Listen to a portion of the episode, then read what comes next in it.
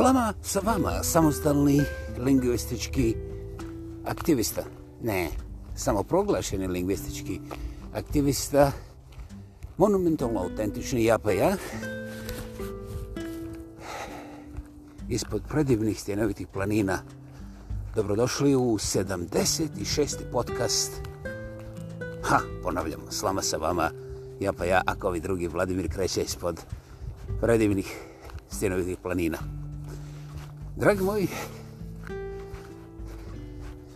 ja ne moram ništa reći da bih bio baš svaki dan, na baš svakom koraku, kao dijete začuđen. Šta sve ljudski?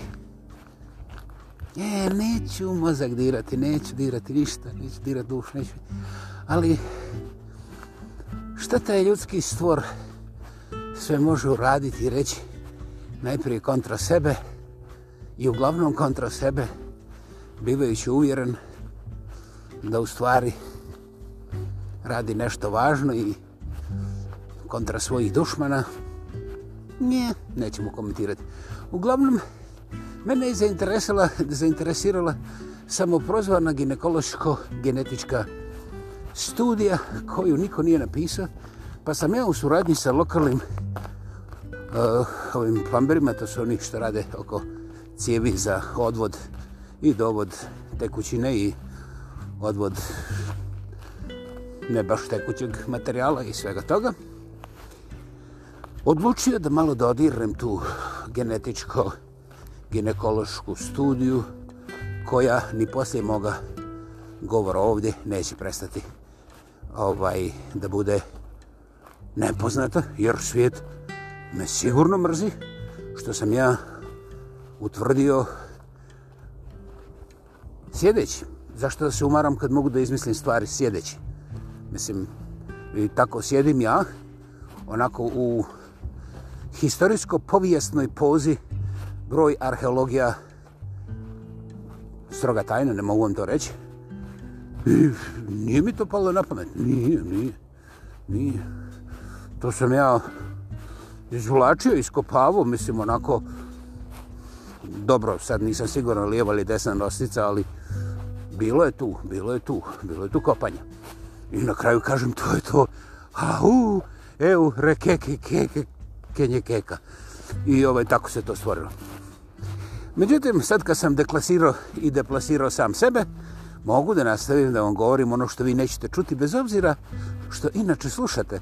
To je zanimljiva fenomenologija i tu vam ne trebam ja da bi vi utvrdili Otkud sam ja znao kada vi čujete šestu rečenicu odavde pa u sljedećih sedam minuta, da će vam sve biti jednako i da ćete zapamtiti samo dvije riječi.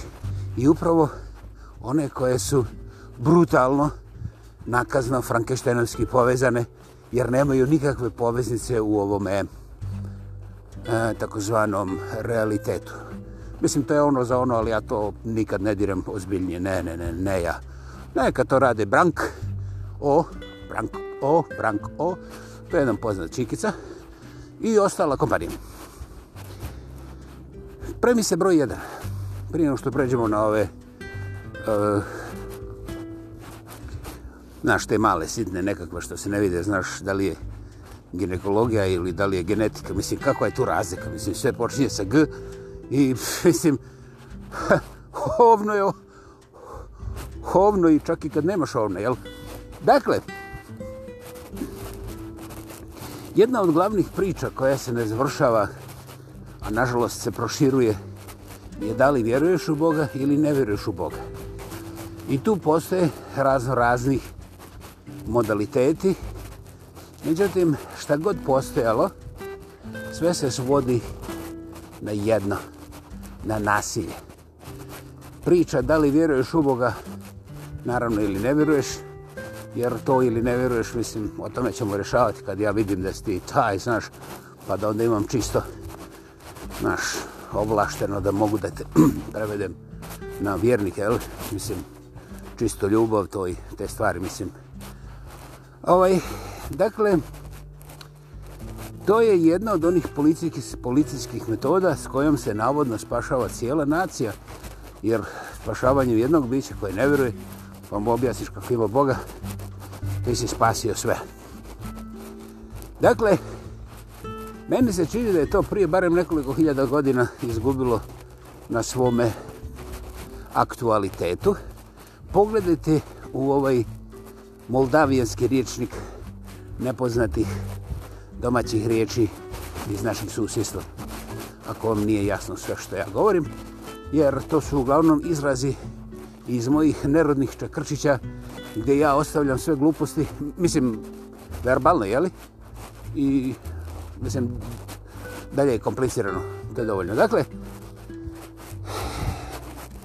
pitanje čovjeku da li vjeruješ u Boga ili ne vjeruješ u Boga je u u kategoriji najprljavih, najrazornijih i povijesno dokazano da, da najsmrtonosnijih pitanja koje čovjek čovjek upućuje ne samo verbalno.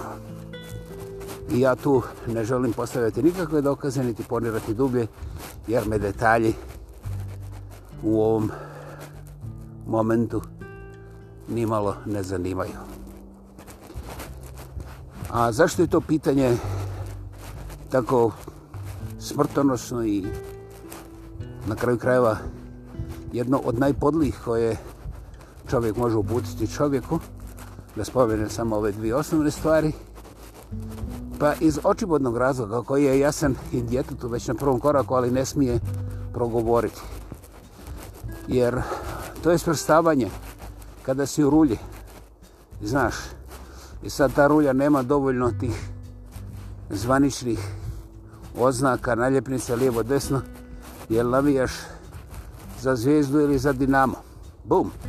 I to, ako si krivo rekao, u krivom društvu, za koga, onda ćeš dobiti, jeli, aplauz, što je pohvalno, ovaj, samo uz uši i ako prođeš tako, to je onda uh, pohvala. Međutim, desit će se i peglanje, jeli, ali ja baš ne znam o tim stvarima puno, pa ćemo to preskočiti. Međutim, kada dođe u pitanju vjera, a, pitanje da li vjeruješ u Boga je suštinski okrenuto kontra Boga. Jer s tim se pitanjem locira žrtva. Da, da, dobro ste čuli, ja ću ponoviti, zadržat ću se ovdje, neću ići dalje. Uopće me ne zanima ako vi ne, ne, ne želite razmišljati pa ste iznenađeni, znaš, kako sam ja to mogao tako da izmislim, znaš. Ja sam kriv za sve, to ste prepoznali, ali sada imamo problem sa ovim, ovaj, kako se identificira žrtva. Pitaš da li vjeruje u Boga. Jer to dokazuje vašu nasilnost. Zašto? Zašto? Pa to je još jednostavnije, ali o tome se dijete na usudi ništa reći, čak vaše, no ja govorim o vašom djetetu, jer ćete vi onda eksplodirati pa ćete mu održati nastavu, to znači malo uzuši, jel, on je aplauzi, pa onda može biti šta god nezgodnijeg. Dakle, ako ja trebam da pitam nekoga da li vjeruje u Boga, postavlja se nagradno, nagradno pitanje ukoliko ja baš nisam žrtvo tražilac, zbog čega meni treba čovjek da se izjasni da li glasuje za Peru ili Đuru. Zbog čega meni čovjek treba da se izjasni da li će jesti meso ili samo puru. Zbog čega ja pre čovjeka postavljam pitanje, znaš, jesi li nevin ili si ne nevin? Hm, ovo, ovo zvuči baš idiotske, ali pitanje je još idiotske, jel da? Dakle, Ukoliko ja trebam da postavim to pitanje, ne samo što sam ja tu u procesu traženja žrtve, sad nivo obrade žrtve ovise nije uvijek jednak, ali žrtva jeste uvijek. Ovaj, ukoliko meni treba to pitanje, to onda nešto automatski kazuje i o meni. To kazuje o meni, u primjeru da sam sklon tim policijskim metodama, ovaj, da razjasnim ja to odmah i ti ćeš mene odgovoriti. Broj dva, šta god ti kažeš, ja ću tebe odgovoriti kako si ti promaša i tako dalje, da si mene ranije pitao, znaš, i tako dalje. Broj tri, ako si ti stvarno vjernik, zbog čega ti uopće pomišljaš da ideš okolo i ispituješ ljude da li oni vjeruju u Boga? Ja ovo pitanje neću obrazlagati jer, znaš, ne zaboravite, na početku sam spomenuo one e, vodoinstalatere, znaš, oni rade dosta oko tih odvodnih kanala, kanala i ne bih dalje, jer imam tu strašno puno materijala koje ću jednom, recimo, ispoljiti, ali večera ću biti kraći jer hm, te malo ružnije slike nam nisu nužne na početku rasprave ovakvog tipa i onda dolazim u situaciju ako sam ja stvarno vjernik i ako sam ja stvarno uvjeren da postoji Bog otkuda meni taj policijski režanj da ja idem istraživati okolo, okolo sebe ko vjeruje, ko ne vjeruje da li sam ja onda u svojoj vlastitoj crkvi uljez jer kako se ljudi ponašaju, šta vidim na parkingu, šta vidim na šmikingu, šta vidim ovo što vidim, ono meni je jasno. ne samo meni, zaboravite. Nema čovjeka kojemu nije jasno da ovaj ti vjernici sa tih nekakvih halelehu, lala, bog, bog i niko drugi, da oni traže žrtve, da oni traže materijala za novu prodaju, da oni traže dokazivanje, da oni traže nagrade, pohvale, da oni hoće da budu potvrđeni na razno razne načine, ako, ako počnu dijeliti ove plakete, ne zaboravite, nisu samo indulgencije, ima tu masu drugih stvari. Ovaj, dakle, ono što je temeljni princip Boga u nekim univerzalnim okvirima, Bog je dobro koje je sve prisutno, i ima sve moć. Znači, sve prisutno, sve moćno dobro koje se nikome ne daje, niti se od koga uzima. Da, da, doslovce tako. Pročitajte ovo nekoliko puta i onda će vam biti jasno zašto u prostoru Boga i vjerovanja nema razmine dobara. bara sad kažeš religija, ekonomija. E, znaš šta, e, to, ja, ja samo kažem šta su temeljni principi vjerovanja u Boga. A institucije, polucije i ostale ove i tako dalje, to je stvar koju prepuštam vama. Međutim, mene ovdje dominantno za, zanima zašto bi čovjek koji vidi to u današnje doba, jer Znate, nazovem mi ja neke ljude nekim pogrnim imenima, s čime se ne hvalim. Ne hvalim se, ali Boga mi, nije mi to ispalo slučajno, jer kad mi prešiša Miško six pack, razumiješ, pa mi objasni kako sam glup, znaš, e, nakon 743 njegove te oznake koliko sam glup, ja više nemam gdje ni da se tetoviram, pa onda kažem, ba daj goni se u pičku materinu, mogu i ja stavom, eto. Ovaj, sad mi slobodno zamerite, ali Ja sam to iskreno. I onda, pa evo i sada. I ja znam da vi imate osjetljive uši, žao mi je. Ako ovo nikad niste čuli, onda ne morate nikad ni zapamtiti.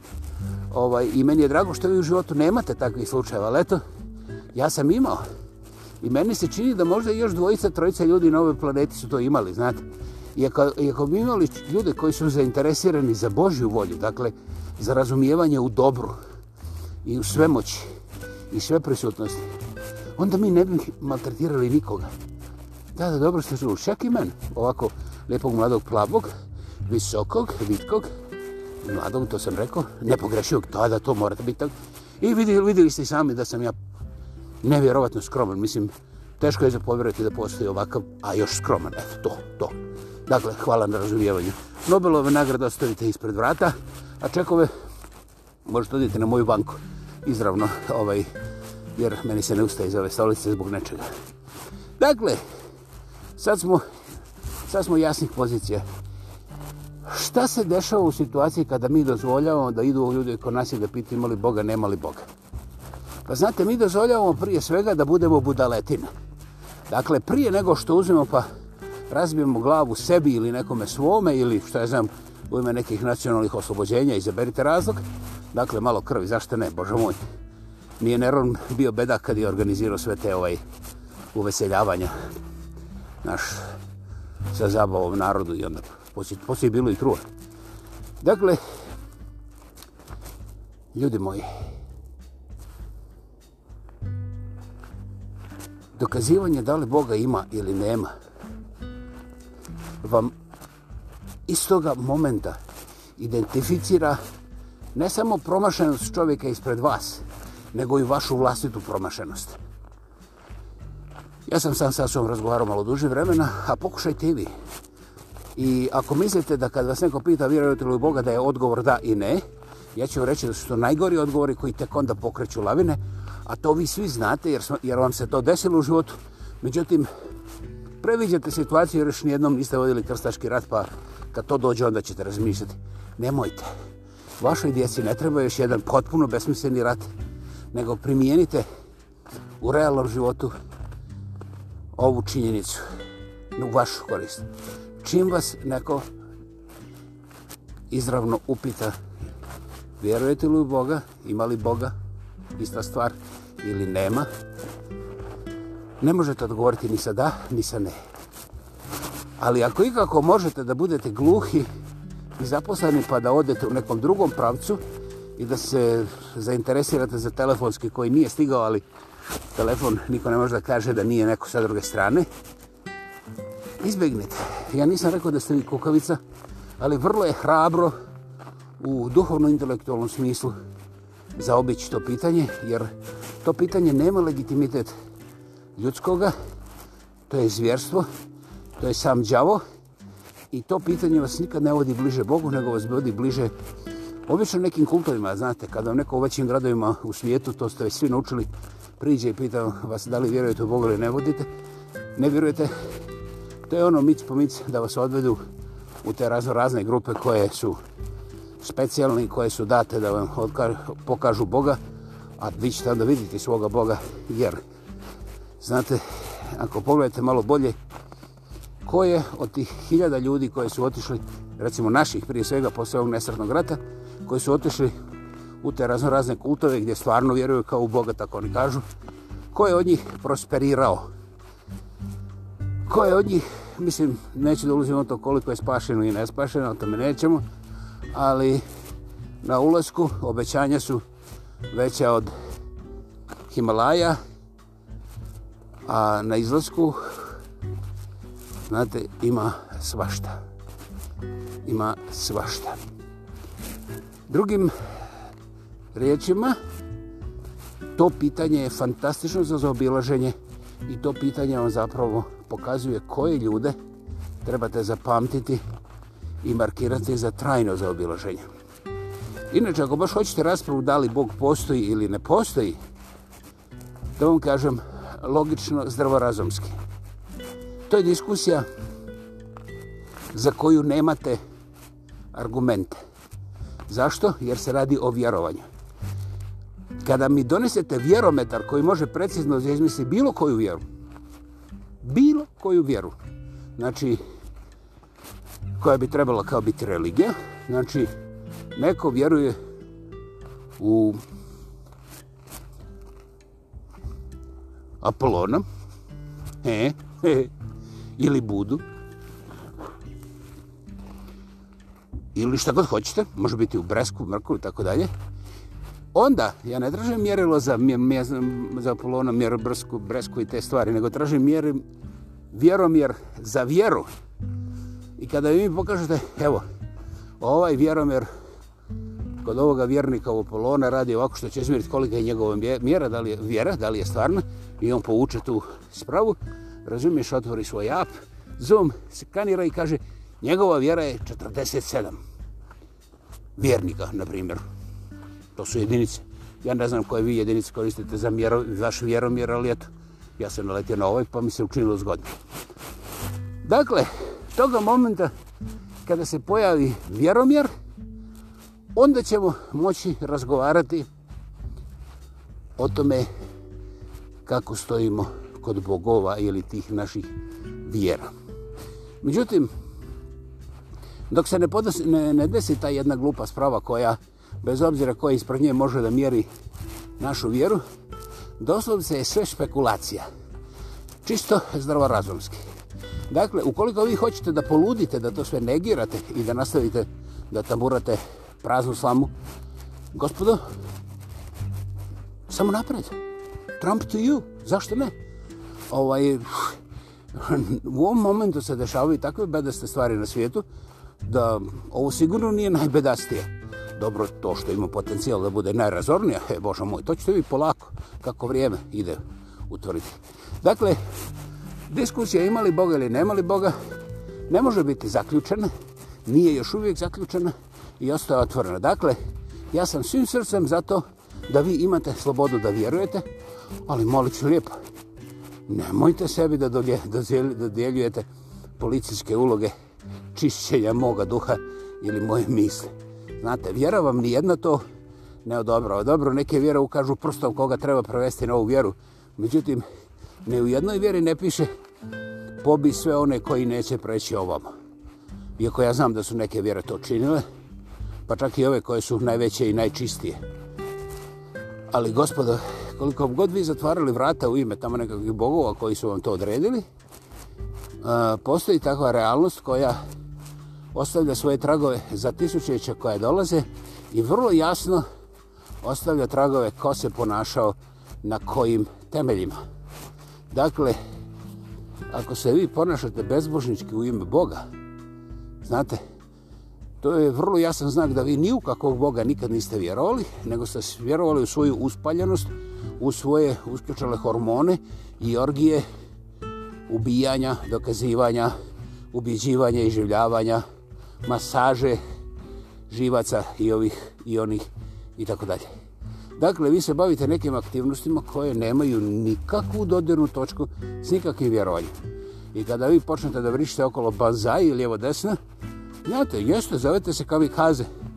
Međutim, koliko god potopili tih američkih glupih brodova, eh, na kraju će vam goreti Hiroshima i Nagasaki, jer ja nijednog momenta ne mislim da su mladići koji su sa svojim avionima se zaletili ravno u brodove, jer nisu mogli nikako drugčije da ove ni, ni počešu, ovaj, da su oni bili uvjereni da rade nešto legendarno, da rade nešto dobro. Ne, ne, ništa od toga.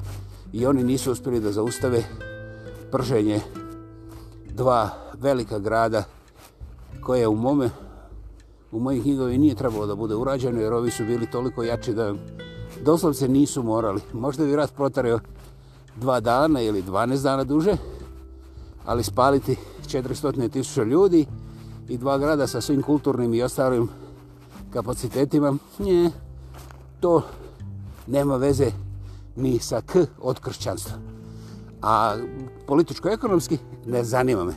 A što se tiče strategije, to se ne zove strategije, to se zove iživljavanje, jer korporacije koje plaćaju sve te orgije, oni moraju imati na displeju nešto kada pomenu samo h, znaš, da se onda svi ukake u cijelom svijetu. Znači oni su morali, oni su stvari sebi gradili batinu preko tih stotina tisuća života i preko takvog jednog morbidnog uništavanja. Oni su dokazali, gledaj mene, ti možeš da pojedeš pet srdela, a ja mogu pojesti pet kila.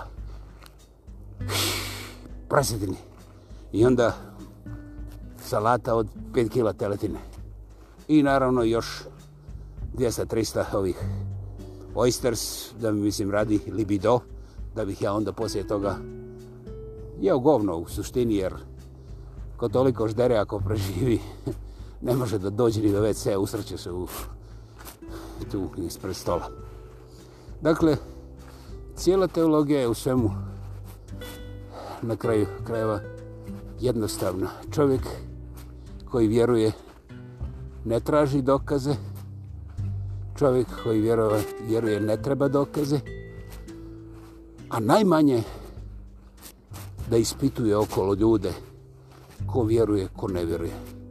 Ostavite te male crve, te policajce iza sebe i živite svoje živote. I ja vam garantiram da će taj sveprisutni i svemoćni Bog pomilovati vas, jer ja sam upravo lice sa naslovne stranice ovoj priči i ja se tako ponašam i osjećam se da imam Boga na svojoj strani. Vjerujem da i vi možete učiniti isto. Hvala i uživajte. Slava sa vama. Ja pa jako bi drugi Vladimir kreće sa predivnih starovitih planina. Čujemo se vrlo brzo. Vrlo brzo.